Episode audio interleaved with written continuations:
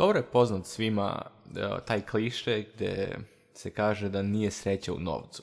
I on je sam po sebi veoma diskutabilan. Oni koji nemaju novac e, ne slažu se sa tim, oni koji imaju novac slažu se da nije sreća u novcu. Tako da iz različitih perspektiva taj kliše je tačan ili nije tačan. Ali mislim da se svi mogu složiti sa time da je nesreća ukoliko nema novca. Dakle, i siromašni i bogati bi se složili sa time. E, što znači da je novac jako bitna komponenta svačijeg života e, svake osobe koja živi bilo gdje u Europi, Severnoj Americi ili onim razvijenim delovima Južne Amerike, Azije, jel tako, i naravno u Australiji. Dakle, bitan je. Ali jasno je da 1% ljudi drži 99% bogatstva i da ostalih 99% ljudi na čitavoj planeti ima samo 1% svog dostupnog novca. I s razlogom je tako. Ljudi se ne uče nigde u školama eh, o novcu, već se osposobljavaju da znaju određene veštine da bi mogli da budu dobri zaposleni upravo za one ljude koji znaju o novcu. Kako oni znaju, ne znam, ali u svakom slučaju nisu učili u školi o novcu, zato što smo svi prolazili kroz iste škole i ni jedan jedinan ni moment, minut se ne, eh, ne izdvoji na bilo kom predmetu da se priča o novcu. Dakle, to znači da ljudi koji imaju novac nešto znaju, što drugi ljudi ne znaju, što većina ne zna. Ono što ja mislim da je to jedno od tih znanja koje, koje bogati ljudi imaju je ta da oni znaju da, da bi bio neko bogat mora da ne da juri novac, mora da prestane da juri novac i mora da počne da juri ono što ljudima treba. Šta to znači? da bi neko mogao da počne da pravi novac eh, a bez da se zaposli bilo gde ili da eh, bude radnik za bilo koga mora da pronađe nešto što ljudima treba i onda da napravi čitav biznis plan oko toga kako će da podari to nešto ljudima. Dakle, ljudi koji imaju novac i koji prave novac naučili su da pronalaze rešenje za određene probleme koje postoje u društvu. Vrlo jednostavno, dakle. Oni koji ne mogu da, da osete bilo koji problem da postoji u društvu, ne mogu da ga vide ili ga vide, ali ne znaju kako da ga reše, oni prosto postanu zaposleni. I zaposle se i budu radnici za nekoga ko je našao neki problem i koji je našao rešenje za taj problem. Naravno, niko ne mora da bude ništa mnogo inovativan za to. Dakle, postoje vrlo slične firme između sebe i na Balkanu ovdje, a i u svetu. Dakle, Facebook je sličan sa Instagramom, Instagram je sličan sa TikTokom, TikTok je sličan sa nekom trećom društvenom mrežom. Ali je svaka od tih ideja imala nešto što je svoje. Nešto malo različito na konkurenciju i nešto malo bolje popravljeno u odnosu na konkurenciju i to je bilo dovoljno da se probiju. Dakle, na tržištu. E tako isto treba i ljudi da razmišljaju. Dakle, neko treba da uoči neki problem koji postoji. I ako već ne može da uoči nešto što je spektakularno, neka uoči problem i neka uoči rešenja koja postoje trenutno za taj problem i da vidi da li mogu ta rešenja bilo kako da se poprave.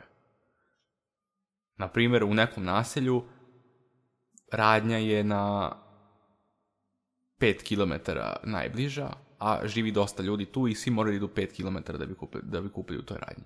Rešenje je da se otvori radnja koja će biti bliže njima, koja će imati čak i bolju ponudu nego ta dalja radnja. Na primer, dajemo običan primer. Dakle, bilo koji problem koji postoji u društvu, ili ne samo u društvu, na bilo kojoj profesiji. Na primjer, neko se bavi nekom profesijom, konkretnom. I postoji neki problem u toj profesiji. Koji se rešava nikako i na neki način koji nije vrlo dobar. Dakle, rešenje je pronaći bolje, e, bolji način za rešavanje tog problema u toj profesiji i onda napraviti biznis plan kako bi to moglo da se izvrši, kako odakle resursi da se pokupe, kako da se započne taj e, e, proces pravljenja rešenja i kako da se to rešenje implementira i kako da se to rješenje na kraju finalno pusti na tržište, dakle. Kako će da se unovči posle. Dakle, to su sve stvari koje bogati ljudi znaju i prošli su kroz to jed, minimum jednom, a verovatno više puta.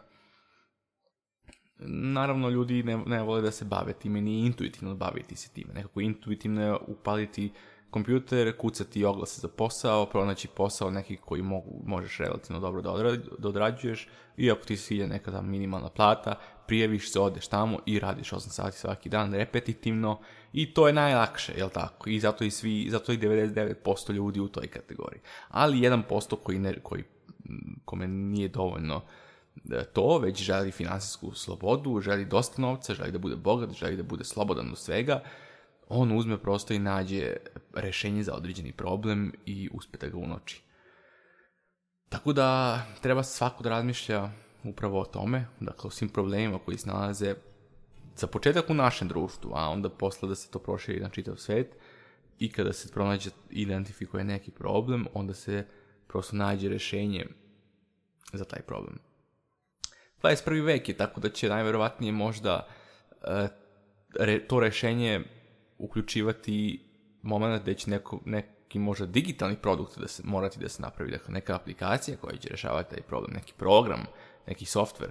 Tako da u 21. veku ja smatram da bi svako morao da zna da programira bar u jednoj tehnologiji, to je moje lično mišljenje, znam da je to vrlo diskutabilno i da se mnogi neće složiti sa time jer postoji mnogo e, načina da se reše neki problemi koji ne uključuje software i to je tačno, ali postoje mnogo rešenja koje mogu da uključe u kreiranje softvera, tako da preporučujem svakome da se malo pozabavi programiranjem u 21. veku. Također jedan od bitnih skillova za rješavanje bilo kog problema može da bude e, način pričanja i način pisanja. To su vrlo dva bitna skila koja svako može da unovči ukoliko ih posjeduje. Dakle, one koje je rečit, koje, ko može da priča na kvalitetan način, ko može da kontroliše svoje misli, ko može lepo da se izražava, ko može da predstavi u najmanjem broju reči što složeniji pojam, on može da napravi e, razliku u odnosu na ostale, dakle ljudi krenu da ga slušaju, da ga prate i da se poistovećuju sa njime. Očigledno, eh, ja pokušam da eh, na taj, na primjer, neki način kroz, ovaj, kroz upravo ovaj videoklip do, pristupim nekim ljudima, a zamislite da još bolje ja pričam, zamislite da sam još elokventniji i da sam još bolje uspeo da vam pre, predočim ideju oko ovog uh, pravljenja novca na ovaj način, neko bi, možda bih više ljudi uspio da motivišem, ovako amater sam i trenutno nisam dovoljno dobar, verovatno, u, u pričanju, ali zamisli da jesam. Koliko bi puta možda bio motivisaniji nakon ovog razgovora, koliko bi možda razumeo neke stvari bolje i tako dalje. Takođe isto važi i za pisanje. Ljudi koji mogu da se dobro elokventno izražavaju, mogu da pišu knjige, mogu da e, imaju svoje blogove i tako dalje naravno da bi, da bi bilo čemu mogao da pišeš, prvo treba da znaš e, o, čemu ćeš pisati i da vrlo dobro poznaješ tu temu o kojoj ćeš pisati, ali e, to, to je manji problem u toj priči. Neko mnogo dobro poznaje neke teme, ali ne znam da sedni da napiše o tome ništa. To se mnogo teže uči pisanje e, i način, način pisanja, izražavanja kroz pismo. Tako da definitivno programiranje i elokvencija i način pisanja su neka tri skila koje bih ja e, e, izdvojio i koji odlikuje mnoge bogate ljude prosto trenutno. Tako da razmislite o svemu tome i hvala vam na slušanju i ove epizode Neuroprizma podcasta. Mi se vidimo već u sljedećoj epizodi. Ćao!